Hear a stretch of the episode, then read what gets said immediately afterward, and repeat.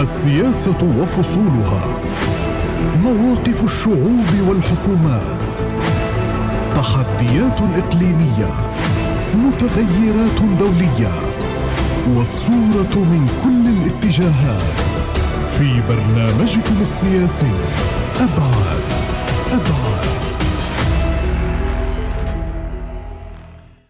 السلام عليكم ورحمة الله وأسعد الله مساكم بكل الخير وأهلا بحضراتكم في إطلالة جديدة من برنامج أبعاد.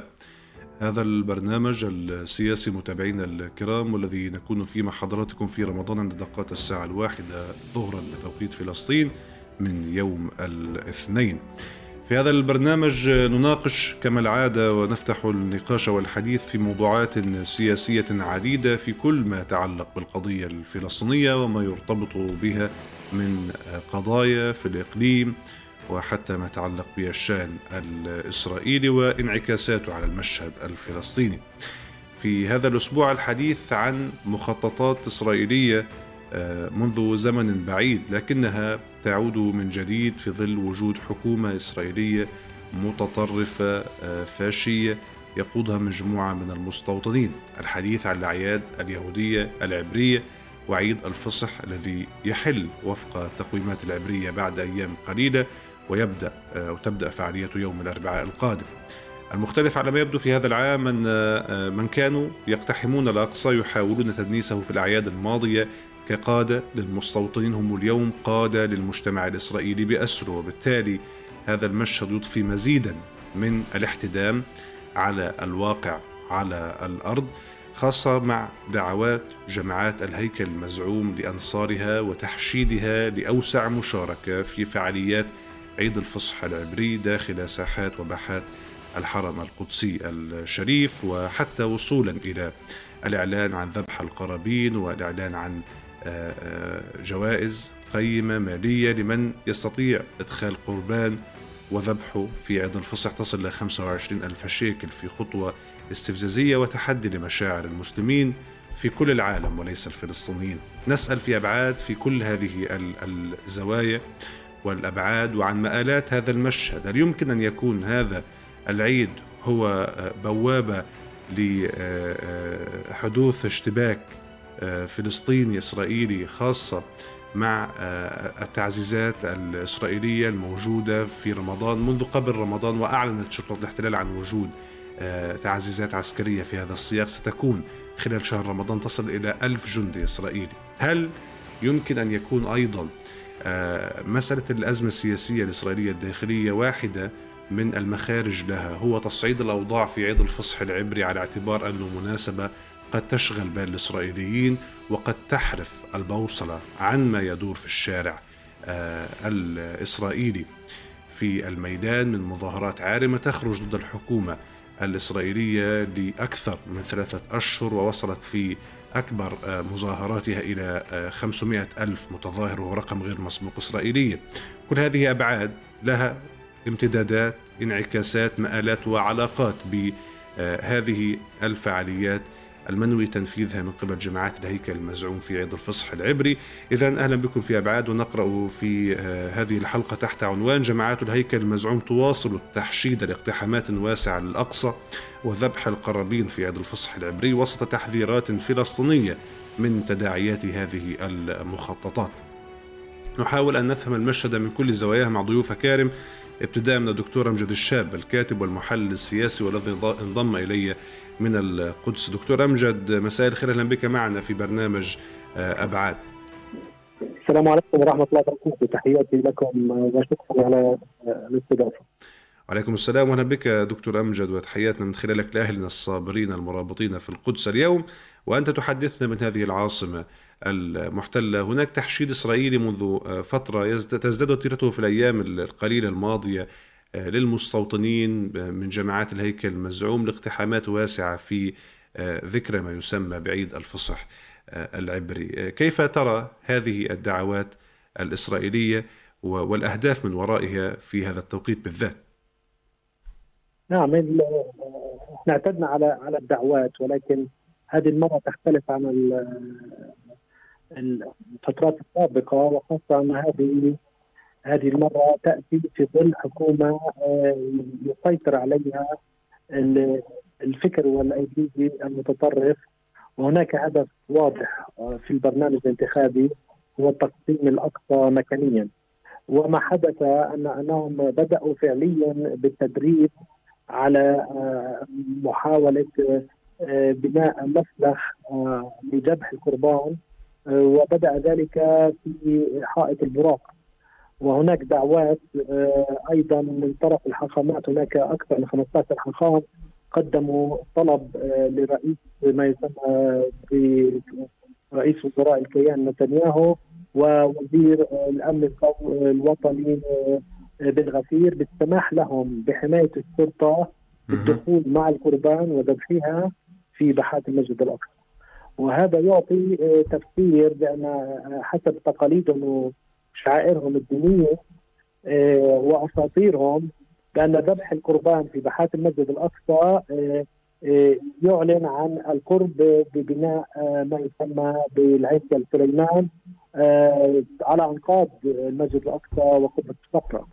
آه، طبعا هذه تهديدات خطيرة تأتي في فترة صعبة جدا آه، قد تخلى العرب ومسلمين تقريبا ونسوا خطورة ما يحدث على أولى القبلتين وثالث الحرمين الشريفين. طبعا الاعتداءات حدثت آخرها البارحة بإخراج معتكفين بحد المسجد الأقصى. طبعا هذه هذه التصرفات لم تكن سابقا بهذه الوحشية. وقبل كم يوم قاموا بإعدام طبيب من الداخل أحد المرابطين جاء ليقوم بالصلاة وبالاعتكاف في باحات المسجد الأقصى بدم بارد وحتى أنهم يحاولون إخفاء مظاهر الجريمة بإخفاء التسجيلات التي التي يعلم الجميع بأن كل سنتيمتر من داخل باحات المسجد الأقصى هناك كاميرات عالية الدقة آه، تراقب من يدخل ومن يخرج في باحه المسجد الأقصى. آه، المسجد الأقصى في هذه الفترات وخاصة في هذا عيد ما يسمى بعيد البيسح بالمصطلح اليهودي وعيد الفصح اليهودي نعم. المصطلح العربي آه، ودخولهم بهذه الطريقة آه، هي هي تدنيس وإهانة لجميع العرب والمسلمين. لكن دكتور أمجد في في هذا السياق أشرت حضرتك في متن الإجابة إلى أنه هذه المرة المختلف فيها إنه هذا العيد يأتي ويأتي في كل عام. آه، وهناك دائما محاولات لدعنا نسميها تنفيذ أقصى قدر ممكن من آه، الفعاليات دون الذهاب إلى اشعال المنطقة، لكن المختلف هذه المرة كما تفضلت إنه وجود حكومة إسرائيلية يقودها أمثال بن جافير وسموتريتش الذين كانا من ضمن المقتحمين للمسجد الأقصى كقادة للمستوطنين أو أجزاء من المستوطنين في الأعوام الماضية، لكنهم اليوم يقودون هذا المشهد السياسي الإسرائيلي برمته، وبالتالي إلى أي مدى آه، من المتوقع وفق هذه الإعلانات والتي آه، وصل فيها إلى دفع جوائز مالية لمن يستطيع إدخال القرابين وذبحها في الأقصى أن يكون هذا العام آه، متفجرا مختلفا في مزيد من محاولة إشعال الأوضاع وفتيل المواجهة.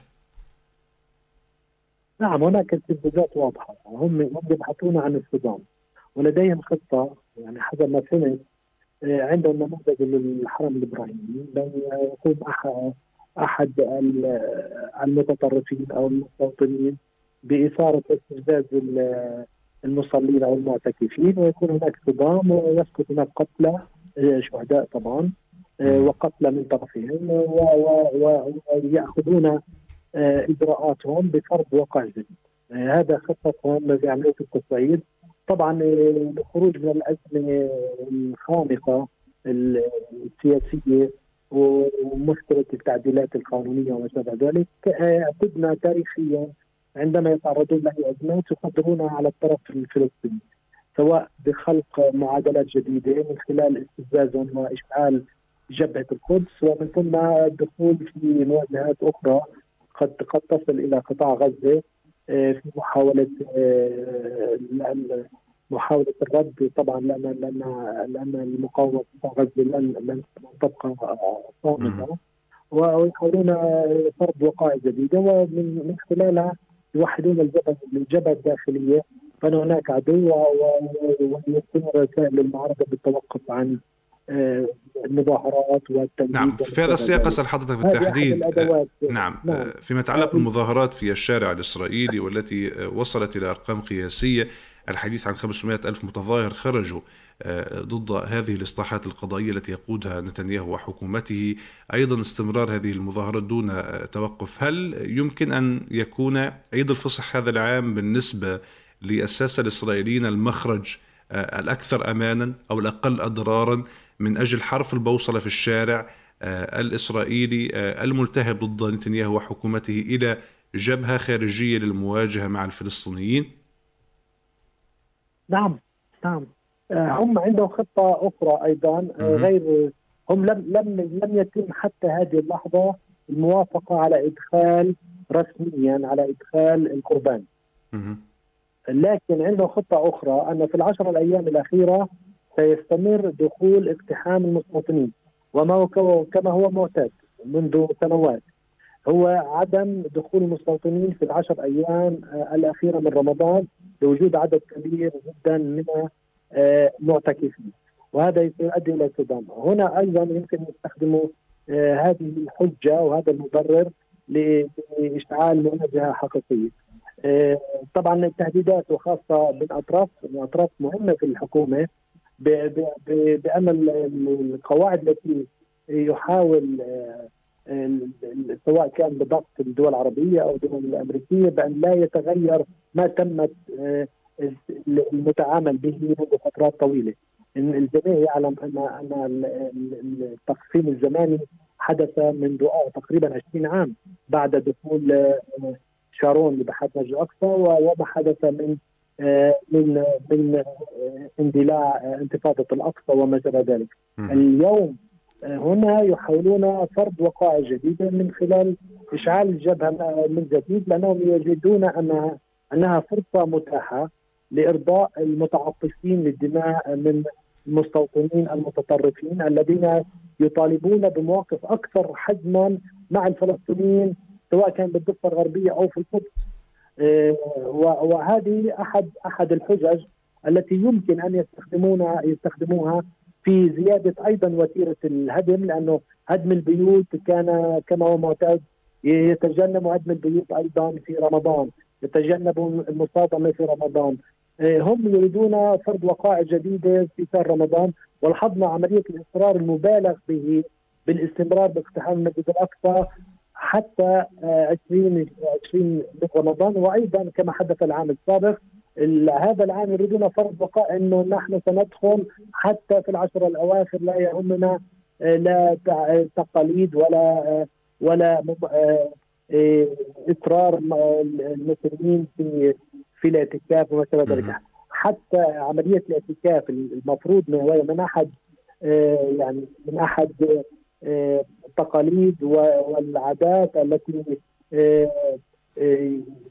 يملكها كل كل مسلم ومن حقه أن يمارس شعائر الدينيه العبادة في في هذه الأيام يحددون يحددونها كانهم خبراء في الدين الإسلامي إنه عشر الأواخر نسمح لكم في الأيام العادية لا نسمح لكم في ليلة الخميس ليلة الجمعة لا ندخل آه، إلى المسجد المسجد الأقصى نقتحمه في الصباح. ممكن أن تعتكفوا. هذا تدخل في شؤون بحث مجلس وفرض وقائع ومحاولة فرض السيادة والهيمنة عليه من آه، من خلال هذه الممارسات. وهذه إهانة إهانة للجميع إهانة للفلسطينيين والعرب والمسلمين. وأيضا انتهاك صارخ لكل القوانين الدولية لحريه العبادة وأيضا وبلا شك هي تأتي أيضا ضمن إطار التضييقات المتواصلة والرامية في نهاية المطاف إلى اجتثاث الفلسطيني من أرضه وإخراجه منها، يعني حتى في صعيد هذه الحلقة واثناء إعدادها بالأمس صادقت الحكومة الإسرائيلية بشكل رسمي على آه، ميليشيا بن جافير كما سميت قوات الحرس الوطني كما أسماها. آه، هذه الميليشيات التي حتى إسرائيليا هوجمت من لبيد وقال عنها أنه نقوم باقتطاع واحد ونصف المئة من كل الوزارات السيادية من أجل تمويل ميليشيا لشخص معتوه كما وصفوا آه، آه، حتى من هم كانوا في إطار الحكومة الإسرائيلية. وفي هذا السياق أسأل إلى أي مدى هذه الخطوات الإسرائيلية تمثل كرة ثلج تتزايد يوما بعد يوم في وجه الفلسطينيين خاصة في ظل وجود هذه الحكومة الإسرائيلية؟ وبلا شك أن كل الحكومات تعادي الفلسطينيين. وإلى أي مدى إذا بقيت هذه الحالة باستمرار ستزيد هذه الإجراءات من حدة وصعوبة حياة الفلسطيني في القدس والداخل الفلسطيني المحتل وبالتالي تحتاج إلى تحرك عاجل نعم آه، الحرس ما يسمى بالحرس الوطني للإنشاء سيتم استخدامها لفلسطينية 48 بالتحديد يحاولون نعم. التفكيك في الأراضي المحتلة يحاولون تفكيك تجمعاتهم أو محاولة محاولة آه، الضغط عليهم من خلال من خلال السيطرة آه، في استخدام آه، التخويف والترهيب والإرهاب. ومن طرف ثاني يحاولون أيضا كسر إرادتهم من خلال نشر ثقافة الإحباط. ومن خلال هؤلاء الهدفين يحاولون إجبارهم بالرحيل طواعية من الأراضي الفلسطينية سواء كانت محتلة ب 48 وأيضا في القدس يعتبرون أن لديهم بعض الامتيازات حرية الحركة ممارسة بعض النشاطات الاقتصادية أو العمل آه، في آه، في المؤسسات وما شابه ذلك. هم يريدون خلق واقع جديد من وكما وعدوا في برنامج الانتخابي. ان الحل الوحيد مع الفلسطينيين لحكومة لن لن تقبل بأن تكون حكومة إدارة صراع مع الفلسطينيين.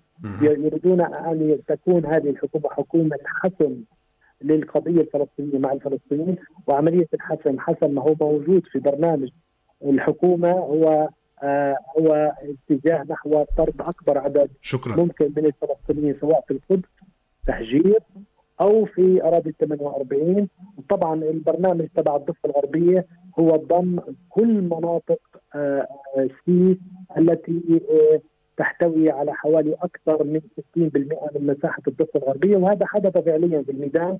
لم يتم إلا إصدار تشريع رسمي وخاصة أن السلطنات أخ... تم اتخاذ قرار بها بانها تابعة للإدارة الإسرائيلية. يعني تتمتع بكل آه، الحقوق آه، والواجبات آه، بأي مدينة داخل داخل أراضي فلسطين المحتلة سواء كانت 48 أو في وسط هذه الفكرة. شكرا جزيلا لك الدكتور أمجد الشاب الكاتب والمحلل السياسي كنت معي من القدس. شكرا لك شرفتنا في هذه الحلقة من أبعاد من المدينة المحتلة. كان مرحب بالأستاذ ناصر الهدمي رئيس الهيئة المقدسية لمناهضة التهويد من القدس أيضا.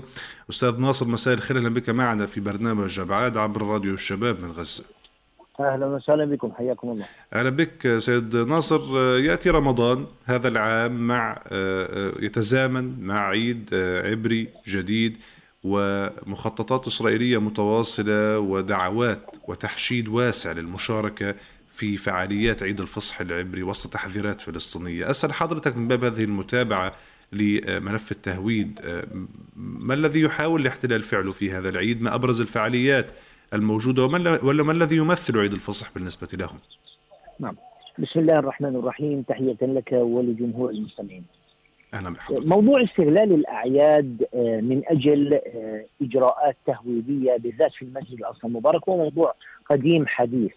بمعنى أن الاحتلال ينتظر هذه المواسم من أجل أن يرسخ عملية اقتحام المسجد الأقصى المبارك عملية الاعتداء على المسجد عملية أداء طقوس تلموديه داخل هذا المسجد.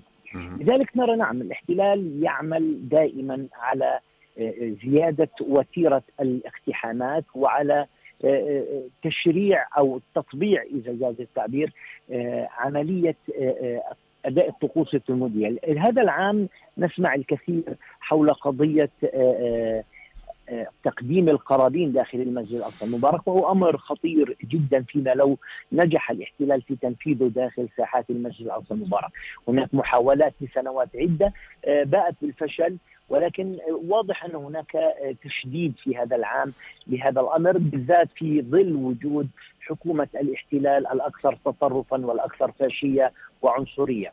لذلك نقول أن الاحتلال ماضي في مخططه آه، هو يريد أن يستولي فعلا على المسجد الأقصى المبارك ويسيطر على المسجد ولكن هو يريد أن تصبح أو أن يصبح وجود اليهود داخل ساحات المسجد الأقصى المبارك وجودا طبيعيا أداء الطقوس التلمودية بغض النظر عن تفصيلاتها وعن ماهيتها أن يصبح هذا الأداء طبيعيا وضمن البرنامج اليومي للمسجد الأقصى المبارك.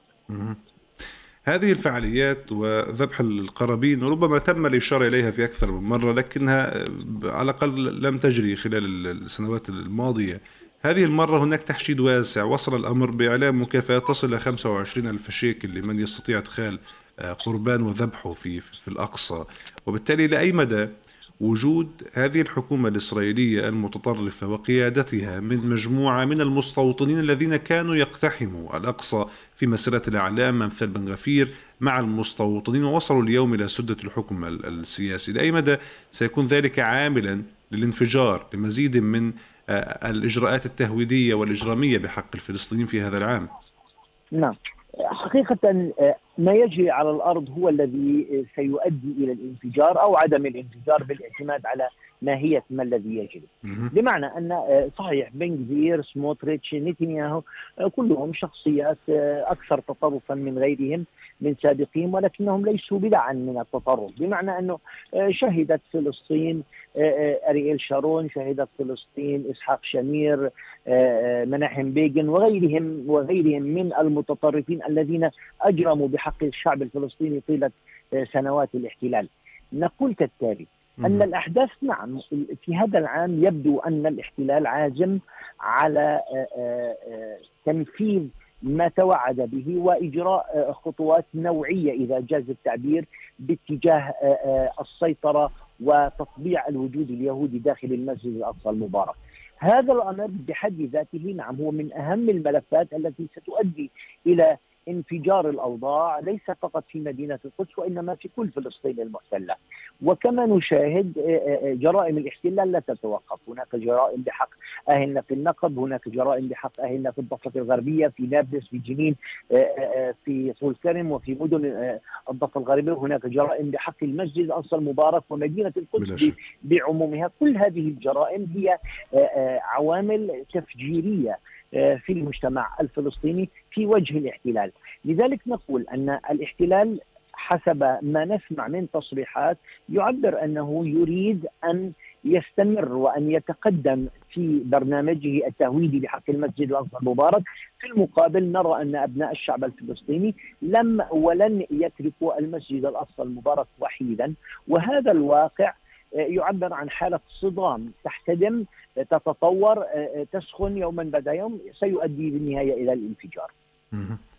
اليوم هذه الممارسات وصلت حتى إلى حد منع الفلسطينيين من من أبسط الحقوق الدينية والمكفولة بكل الأعراف والأديان والقوانين الدولية حتى محاولة المعتكفين إخراجهم من المسجد، الاعتداء عليهم، وبالتالي ما السبيل أيضا لصد هذا الإجرام الإسرائيلي المتواصل برأيكم؟ خاصة أنه يأتي كما يقول الساسة بأنه يأتي في محاولة لتفريغ الضغط من الشارع الإسرائيلي الذي يلتهب ضد إجراءات حكومة نتنياهو ومعاونيه من قادة المستوطنين فيما يتعلق بالتعديلات القضائية وغيرها. برأيكم ما السبيل اليوم لتصدي لهذه المخططات الإسرائيلية على الأقل شعبيا قبل أن نذهب إلى المستوى الرسمي؟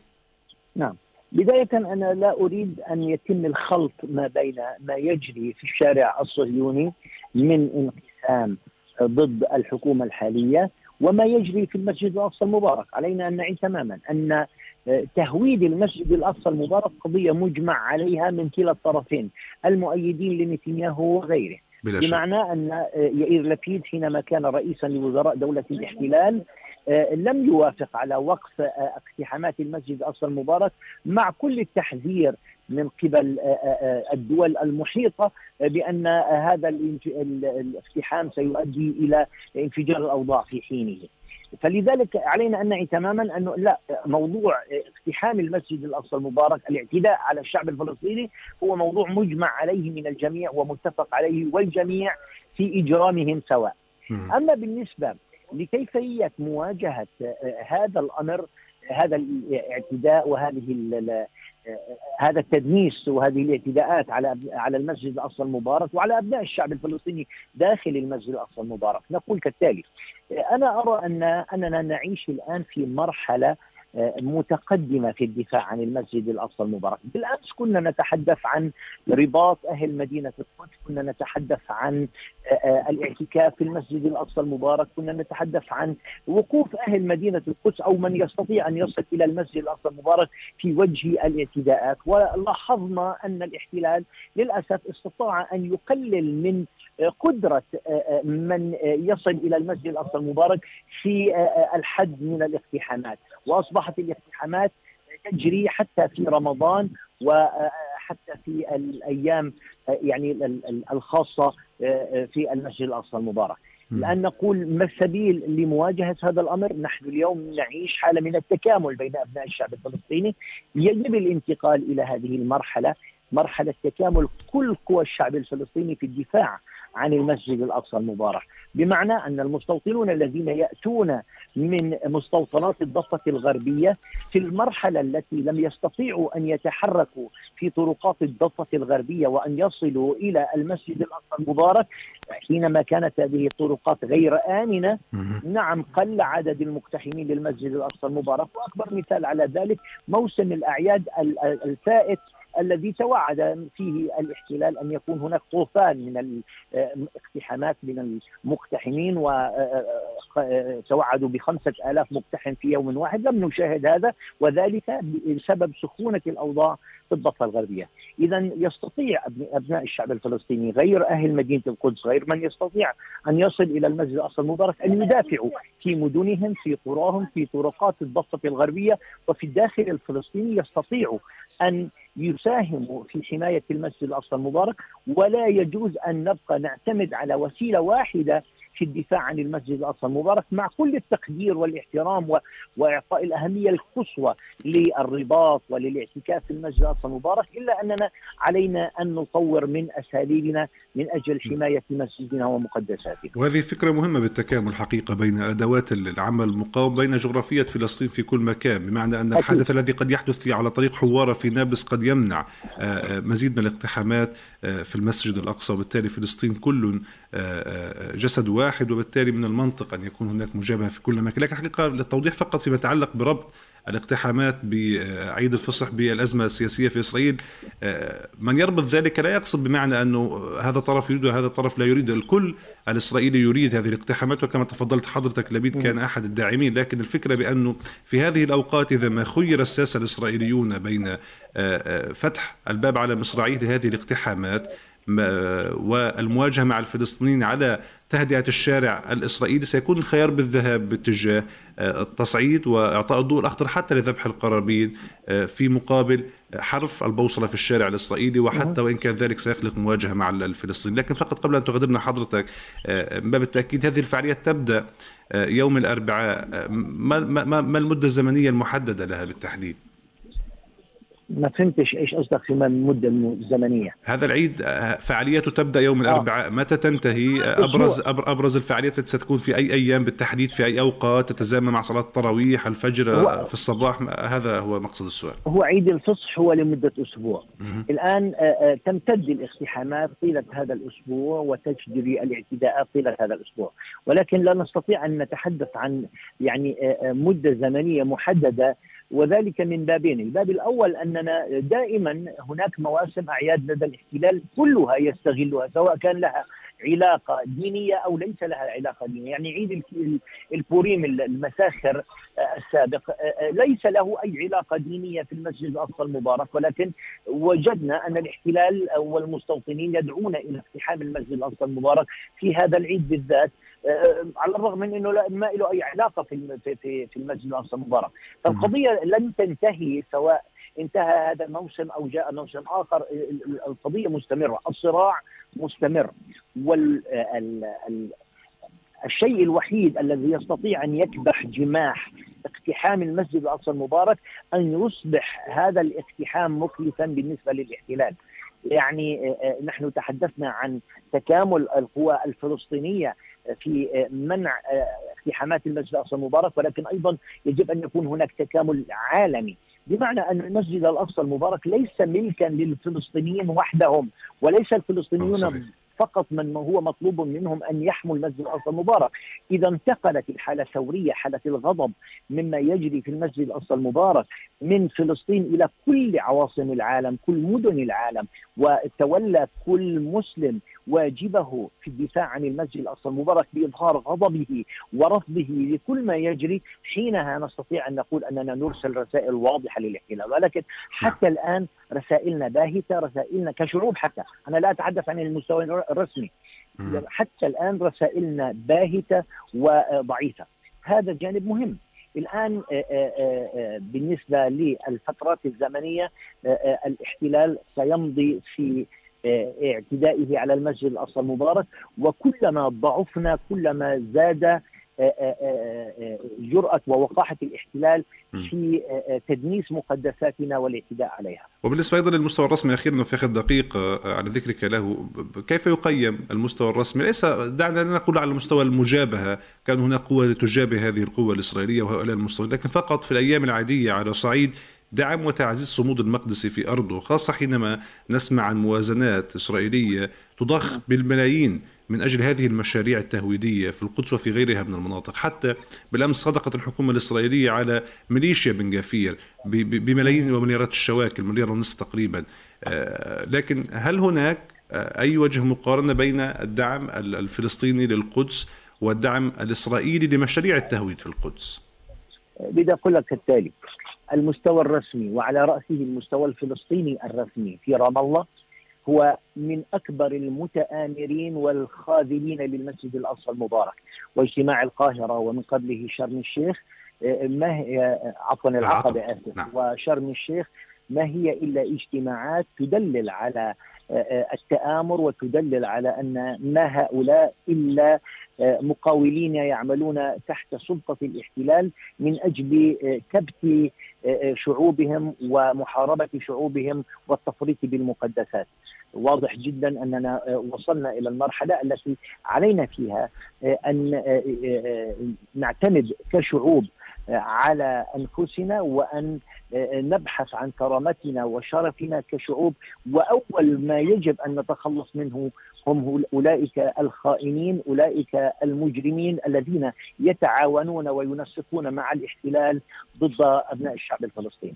شكرا جزيلا لوجود حضرتك معنا. الأستاذ ناصر الهدمي رئيس الهيئة المقدسية لمناهضة التهويد كنت معي من القدس. شكرا جزيلا لتشريفك لنا في هذا اللقاء من برنامج أبعاد. أرحب أيضا ونبقى في القدس وظلالها بالسيد رافت عليان القيادي بحركة فتح الذي انضم لي مشكورا من القدس.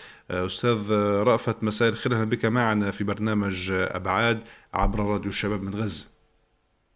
مساء الخير وكل عام وأنتم بخير. كل عام وأنت وأهلنا في القدس وفي كل مكان بخير وحمى الله أهلنا بالقدس. اليوم نتحدث مع حضرتك في أبعاد تحت عنوان جماعات الهيكل المزعوم تواصل التحشيد لاقتحامات واسعة للأقصى وذبح القرابين في عيد الفصح. العبري وسط تحذيرات فلسطينية من تداعيات هذه المخططات. كيف تتابع هذا المشهد هذا التحشيد الكبير لاقتحامات واسعة في عيد الفصح ومحاولة ذبح القرابين وحتى الإعلان عن جوائز نقدية تصل ل 25 ألف شيكل لمن يستطيع الوصول وذبح قرابين داخل المسجد الأقصى. يعني اولا هي ليست جماعات الهيكل هذا مخطط صهيوني مخطط إسرائيلي مدعوم من حكومة الإحتلال بشكل كامل ومحمي من القوى التنفيذية في حكومة الإحتلال. اذا نتحدث نحن عن مخطط تقوده حكومة وجيش وشرطة آه، له علاقة ببسط السيطرة الكاملة على المسجد الأقصى المبارك وتغيير الوضع القائم إلى وضع جديد ينسجم مع الرؤية الصهيونية. هم يحاولوا يحاولوا بكل مناسبة تغيير الأمر الواقع والحقيقي والتاريخي للمسجد الأقصى المبارك بأمر واقع جديد ينسجم مع الرؤية الصهيونية. في هذه الحكومة بالتحديد نحن قلنا أن هذه الحكومة جاءت لإنهاء الصراع بشكل كامل مع الفلسطينيين وليس إدارة صراع كما كانت تحاول الحكومات السابقة آه، آه، آه، ترجمتها على أرض الواقع. بدبلوماسية أو بسياسة ناعمة ولكنها هذه الحكومة جاءت بسياسة خشنة. أنا أتفق مع من يقول أن تريد إسرائيل أن ترحل أزمتها الداخلية لمسجد الاقصى المبارك، لا حتى لو ما فيش أزمة داخلية في الشارع الإسرائيلي، إسرائيل ذاهبة باتجاه المسجد الاقصى المبارك، حتى لو ما فيش أزمة داخلية في الشارع الإسرائيلي، إسرائيل ذاهبة في التصعيد مع الشعب الفلسطيني أينما كان في قطاع غزة لكن في هذا السياق أستاذ رافت الحقيقة لأنه آه، اختلفت اراء ضيوفنا حول ذلك، ألا ترى انه آه، ما يجري على الأرض اليوم في داخل دولة الاحتلال وحالة الغضب الغير مسبوقة إسرائيليا على التغييرات القضائية التي يقودها نتنياهو وحكومته من المتطرفين؟ آه، وصول المتظاهرين من 300 إلى 500 ألف متظاهر ضد هذه الإجراءات واستمرار هذا الهدران الشعبي الإسرائيلي. ألا يمكن أن يدفع باتجاه إذا ما خير المستوى السياسي الإسرائيلي بين آه، إعطاء الضوء الأخضر للمستوطنين وذبح القرابين كما طلب مجموعة من قادة المستوطنين بذبح القرابين والموافقة على ذلك آه، ومواجهة مع الفلسطينيين نتيجة لذلك. أفضل وخيار أقرب للواقع بالنسبة إليهم من استمرار حالة الغضب الإسرائيلي في الشارع. وهذا لا يعني أنه إذا لم يكن ذلك آه، هناك حالة من التصعيد في الشارع الإسرائيلي لن يكون هناك دفع باتجاه ممارسة طقوس تلمودية قدر الإمكان في الأعياد اليهودية. لا لا أنا, أنا كمان مرة بقول أنا لا أتفق مع هذه المقولة ولا مع هذه النظرية. قد تكون هذه سبب آه، آه، على جذب الأعمال الحكومة. ولكن هنالك مستوى أمني أيضا. رئيس الشباك الإسرائيلي صباح اليوم حذر من الخطوات الإسرائيلية الاستفزازية واقتحامات المستوطنين. هم في داخلهم هنالك خلاف على هذه الاقتحامات. هم في داخلهم مختلفين المستوى السياسي مع المستوى الأمني. على اولا التظاهرات وثانيا آه، التصعيد في الضفة الغربية وفي القدس بالتحديد واقتحامات المسجد الاقصى المبارك أنا أقول لك بشكل واضح ان المخطط الصهيوني الواضح ضد المسجد الاقصى المبارك هو واضح منذ سنوات طويلة ويخططون له منذ سنوات طويلة، الجديد في هذه الحكومة أن أن غلاة التطرف أصبحوا يحكمون في الحكومة الإسرائيلية وهناك خلاف واضح بين المستوى السياسي والمستوى الأمني، المستوى الأمني يتخوف من هكذا تصعيد، يتخوف من هكذا اقتحامات، ولكن دعنا نبعد قليلا عن التحليل في الشارع الإسرائيلي، ماذا نحن كفلسطينيين فاعلون؟ في مواجهه هذا المخطط. أعتقد هذا المشكلة فلسطينيه هذا احتلال يمارس كل طقوسه ويمارس كل احتلالاته وكل ضد الشعب الفلسطيني ونحن تعودنا على ذلك. ولكن ماذا فعلنا نحن كفلسطينيين؟ أعتقد أن المشكلة فلسطينيه لا يوجد هنالك لا رؤية ولا خطة ولا استراتيجية. هنالك غياب في المستوى السياسي وفي المستوى الرسمي الفلسطيني عن كل ذلك وهنالك أيضا غياب فصائلي عن ذلك. نحن كمقدسيين نواجه هذا القدر بصدور عاريه ولدينا خططنا المتواضعة في هذا المخطط المدعوم آه، آه، اسرائيليا. يعني نحن آه، اعتبارا من يوم غد سنسير حافلات مجانية مثلا في كل محافظات في كل أرجاء القدس للمدينة للمسجد الأقصى المبارك مجانا. سنعزز صمودنا ووجودنا بذاتنا. لا يوجد هناك تعزيز لصمودنا لا يوجد هنالك شد رحال حقيقي. كان يفترض على المستوى السياسي أو على المستوى الرسمي الفلسطيني وحتى الفصائلي أن يكون لديهم خطة مسبقة في تعزيز صمود المقدسيين ليس شعارا في شد الرحال للمسجد الأقصى ليس شعارا بل ممارسة وتطبيق ممارسة ذلك على أرض الواقع بتسيير حافلات مجانية. مثلا بنزولهم هم نفسهم للمسجد الأقصى المبارك في تحفيز للشارع الفلسطيني. كل القيادات الفلسطينية معها في آي بي كل القيادات الفلسطينية تستطيع الوصول إلى ساحات المسجد الاقصى المبارك. لا, لا نرى منهم أحدا. اذا المشكلة فلسطينيه في مواجهة ذلك. ولكن أريد أن أطمئن شعبنا الفلسطيني أن أبناء القدس عودوكم أن يكونوا آه، رأس الحرب وسيكونوا رأس الحرب في الدفاع عن المسجد الأقصى المبارك. لكن هذا لكن هذا هذا لا يسقط الدور على الكل الفلسطيني. الصمود بالتأكيد. يعني هذا الأمر بلا شك منها القدس عودونا منذ آه، زمن بعيد منذ انتفاضة ودخول شارون حتى وصولا للبوابات الحديدية وكل المخططات التي حيكت ضد القدس لأن يقفوا سدا منيعا آه، آه، في مجابهة هذه المخططات الإسرائيلية. لكن ذلك بالتأكيد لا لا يلقي بكاهل المسؤولية عن الأطراف الأخرى وعن المستوى الرسمي والشعبي والسياسي والفصائلي في على الأقل بإعلاء الصوت ضد هذه الإجراءات. وفي هذا السياق أسأل حضرتك آه، كنت أتحدث مع ضيوفي بأنه آه، المخططات الإسرائيلية وإن كنا لا نريد الحديث في الشارع الإسرائيلي لكنه مرتبط بهذه الجوانب ويجب المقارنة حقيقة للأسف في هذه النقاط. هناك مخططات واضحة تذهب باتجاه تعزيز النشاط الاستيطاني في القدس وفي غيرها من المناطق وبالتحديد في القدس. هناك ميزانيات تصرف وأموال تضخ من أجل إبقاء المستوطنين في الأماكن التي استوطنوا فيها في القدس وفي غيرها لكن على المستوى الرسمي الفلسطيني هناك حالة من من الغضب بين المقدسيين على صعيد الموازنات التي تصرف لمدينة القدس بالنظر إلى واقعها وأهميتها وبالنظر إلى مصاريف أخرى تصرف من الموازنة العامة الفلسطينية كيف يمكن فهم هذا الاعتلال أستاذ رأفت؟ أنا كمقدسي أقول لك لا يوجد موازنات تصرف في القدس. يعني إلا فتات الفتات. لا يوجد هنالك القدس ليست على جدول أعمال الحكومة أصلا. ومن الواضح أنها ليست على جدول أعمال الفصائل كمان. يعني دعنا نهرب من الشعارات قليلا ومن المجاملة. القدس هي محور الصراع. والقدس هي عنوان الحرب عنوان السلام. القدس التي تضخ فيها إسرائيل مليارات الدولارات. لا يوجد لدى القيادة السياسية ولا لدى الفصائل أدنى شيء من خطة متواضعة لدعم صمود القدس.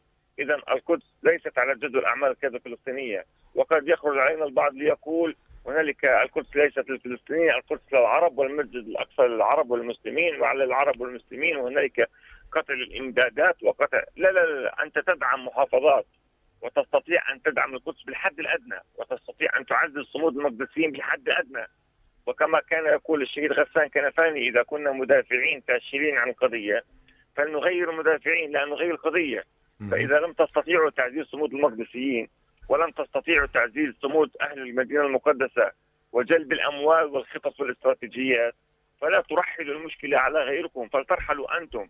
نحن كمقدسيين بالحد الأدنى نستطيع أن ندير معاركنا وشكلنا في محطات كثيرة الكثير من الانتصارات في باب الرحمة وفي باب الأسباط. وفي البوابات الإلكترونية وفي الشيخ جراح بصدور عارية استطاع المقدسي أن يشكل نصر على هذه القوة التي تدعي أنها لا تقهر. ولكن عاتبنا نحن على القيادات السياسية وعلى الفصائل الوطنية والإسلامية لأن القدس ليست على جدول أعمالهم وما يجوش يقولوا لي ما فيش دعم مش ذنب المقدسي أنت القيادة ليس أبناء القدس القيادة أنتم الذين تحددون كيف تأتون بالدعم وكيف تبدلون الأولويات. هنالك أولويات. للقيادة السياسية وللحكومة الفلسطينية على حساب المقدسيين وعلى حساب تعزيز المقدسيين وتعزيز دعم المقدسيين. أنا قلت لك في بداية الحديث أن المقدسيين استطاعوا أن آه، آه، يشكلوا نموذج في آه، المقاومة الذاتية وفي دعم مقاومتهم ذاتيا من خلال مثلا تسيير حافلات بدأنا بالترتيب لها اعتبارا من يوم غد لحتى يوم العيد. مجانية من كل أنحاء القدس باتجاه المسجد الأقصى المبارك إذا نستطيع أن نشكل ذلك تستطيع القوى السياسية إذا كان لديها الإرادة لدعم وتعزيز المقدسيين بالتعاون مع القطاع الخاص بالتعاون مع البنوك بالتعاون مع رجال الأعمال لو كان هنالك إرادة حقيقية في تعزيز صمود المقدسيين يعزز صمود المقدسيين ولكن لا يوجد إرادة هنالك تهرب من مسؤولياتهم اتجاه المسجد الأقصى واتجاه القدس. بمبرر أن العرب لا يوفون بالتزاماتهم وأن المسلمين لا يوفون بالتزاماتهم صحيح أن هنالك قصور على المستوى العربي والإسلامي ولكن تتحمل مسؤوليته مسؤوليته القيادة السياسية بشكل نعم. أساسي والفصائل الوطنية والإسلامية التي ألقت بظلال انقسامها على ذاتها وعلى شعبها الفلسطيني أعطت مبرر للدول العربية والإسلامية في التهرب من مسؤولياتها عن غياب الاستراتيجية أستاذ رافت الحقيقة الفلسطيني بالتأكيد نعم. هذا أعطى مبرر لكثير من الدول بالتهرب من مسؤولياته تجاه القدس ومسجد المبارك بمبرر أن الفلسطينيين منقسمين على أنفسهم. آه، عن غياب الاستراتيجية وفي ذات السياق وفي سؤال أخير لحضرتك آه، ضيوف الاكارم منهم السيد ناصر الهدمي رئيس الهيئة المقدسية لمناهضة التهويد قال إنه آه، اليوم المجابهة الحقيقية فقط لهذه المخططات التي قلنا أنها تذهب ككرة الثلج نحو الزيادة في الغلي والاستيطان والقتل والتدمير والتشريد لا يكون لها سبيل لوقفها أو حصرها أو تقليلها حتى حتى اقتحامات المستوطنين قال آه، آه، قل عدد المقتحمين حينما كان هناك عمليات آه، تجرى في الضفة وفي نابلس وعلى الطرق المؤدية للقدس وأشار وأثار مسألة أن المقاومة يجب أن تكون دفاع الأقصى ليس في القدس فقط بل في نابلس. في كما حدث في حوارة في الضفة في غيرها من الأماكن المرتبطة على الطرق الرئيسية التي أحيانا يقلها المستوطنين باتجاه القدس أن يكون هناك حالة من من من الإرباك وزيادة الكلفة كما سماها على الاحتلال ومستوطنيه من أجل وقف هذا السيل من الجرائم. كيف ترى هذه النقطة أهمية أن يكون هناك وحدة جغرافية في مواجهة هذا الاحتلال ولا ينحصر المكان آه، والمواجهة في مكان معين دون غيره؟ يعني بالتأكيد هذا آه، يؤكد ما نقوله أنه لا يوجد استراتيجية هنالك مقاومة فلسطينية ارتجالية مقاومة فردية مقاومة شعبية مقاومة ليست مخططة. هنالك مقاومة نتيجة انغلاق الأفق السياسي. شعبنا الفلسطيني أصبح يبتكر أساليب مقاومة آه، آه، بطريقة عفوية بطريقة مجانية بطريقة غير مدروسة. ولكن لو كان هنالك بالفعل قيادة سياسية فصائل وطنية هذا الاحتلال يجب أن يكون مكلفا هذا الاحتلال نعرفه ويعرفنا. لدينا معه تجارب كبيرة وكثيرة ولديه معنا تجارب كبيرة وكثيرة. لا يفهم إلا لغتين لغة القوة ولغة المصلحة. إذا لم تتضرر مصالح الاحتلال وإذا لم يرى القوة الفلسطينية لا يمكن له أن يرتدع. هذا الاحتلال لا يرى العالم لا يرى الولايات المتحدة الأمريكية ولا القرارات الدولية ولا المحاكم الدولية والعالم أيضا يكيل بمكيالين. تجربتنا مع هذا الاحتلال إذا لم يكن احتلاله مكلفا ستمتد اليد الإسرائيلية لتصل إلى محراب المسجد الأقصى المبارك. وأنا أقول لك لولا صمود المقدسيين ولولا مقاومة المقدسيين لم تدت اليد الصهيونية إلى محراب المسجد الأقصى المبارك ولا هدم المسجد الأقصى المبارك. كل التحذيرات في داخل إسرائيل إلى المستوى الأمني تحذيرات نتيجة أن لديهم تجربة مع المقدسيين ومع الفلسطينيين بشكل عام. أن الفلسطيني لا يمكن له أن يصمت على التمادي في ساحات المسجد الأقصى المبارك. المشكلة الحقيقية تكمن في القيادة السياسية التي لم تستطيع أن تستثمر الشعب الفلسطيني ولم تستطيع أن تستثمر حماقة هذه الحكومة الصهيونية المنعزلة على مستوى دولي. لو كان لدينا سياسة ولو كان لدينا قيادة سياسية حكيمة ومجتمعة آه، آه، متوافقة على رؤية وعلى استراتيجية هذه الحكومة الإسرائيلية أفضل حكومة نستطيع أن نعزلها على مستوى دولي ونستطيع أن نتعامل معها ونستطيع أن نحصل على حقوقنا منها. ولديهم شعب يستطيع أن يستثمروا فيه بمقاومته وصموده ويحققوا كل الإنجازات. مش مهرب على العقبة ومهرب على شرم الشيخ نتيجة ضغوطات من هنا ومن هناك. أعتقد أن المشكلة الحقيقية ليست في الشعب الفلسطيني. كي لا نبقى نحكي بش... ونتحدث بالشعارات المشكلة تكمن بالقياده السياسية وأنا أختم قولي ب... باسم المقدسيين. أدعو كل أحرار العالم وأدعو كل شعبنا الفلسطيني وخاصة ممن يستطيعون الوصول إلى المسجد الأقصى المبارك. المقاومة الحقيقية في هذه الفترة تكمن في شد بحال ساحات المسجد الأقصى المبارك. أدعو كل شعبنا الفلسطيني من يستطيع الوصول للمسجد الأقصى المبارك هو أكبر جهاد وأكبر مقاومة وجودك في القدس ووجودك في ساحات المسجد المبارك. وهذه رسالة أيضا لأهلنا وأحبتنا في الاراضي المحتله عام 48 ضرورة شد الرحال في هذه الأيام لساحات المسجد المبارك. شكرا جزيلا لك الأستاذ رافت عليان القيادي بحركة فتح التبعي من القدس وأيضا الشكر موصول للدكتور أمجد الشاب الكاتب والمحلل السياسي كاد معي من القدس أيضا الشكر كذلك للأستاذ ناصر الهدمي رئيس الهيئة المقدسية لمناهضة التهويد ضيوف الأكارم في هذه الحلقة وكما قال السيد رافت عليان من الواضح أن آه، المشكلة تكمن ليس في المقدسيين لأنهم استطاعوا أن يديروا هذه المواجهة على مدار وقت طويل وفي آه، هبة النفق في انتفاضة عام 2000 حينما دخل المجرم شارون للأقصى وصولا إلى البوابات الحديدية والشيخ جراح وغيرها المقدسيون قادرون على مجابهة كل التحديات وحتى وإن كان ذلك بصدورهم العارية كما قال لكن آه، هناك حالة من العجز في دعم صمودهم من قبل المستوى الرسمي الفلسطيني وكما قال حالة من آه، آه، خيبة الأمل في جهات سياسية كثيرة لم تكن القدس على جدول أولوياتها لكن القدس تبقى في جدول أولويات كل فلسطيني حر وكل عربي غيور لأنها لا تمس الفلسطينيين فقط بل تمس كل المسلمين حول العالم. إذا هذه المخططات الإسرائيلية متواصلة آه، نقترب منها على بعد أيام. وحدها الأيام القادمة تجيب عن أسئلة كثيرة كيف سيكون. شكل هذه الاقتحامات مداها وهل سيكون هناك تصدي فلسطيني آه، آه، لها؟ هل سيكون هناك رد فصائلي في حال ازدادت هذه الجرائم الإسرائيلية والإجرام الإسرائيلي كما حذرت الفصائل من تبعات هذه الاقتحامات في عيد الفصح في بيانات منفصلة؟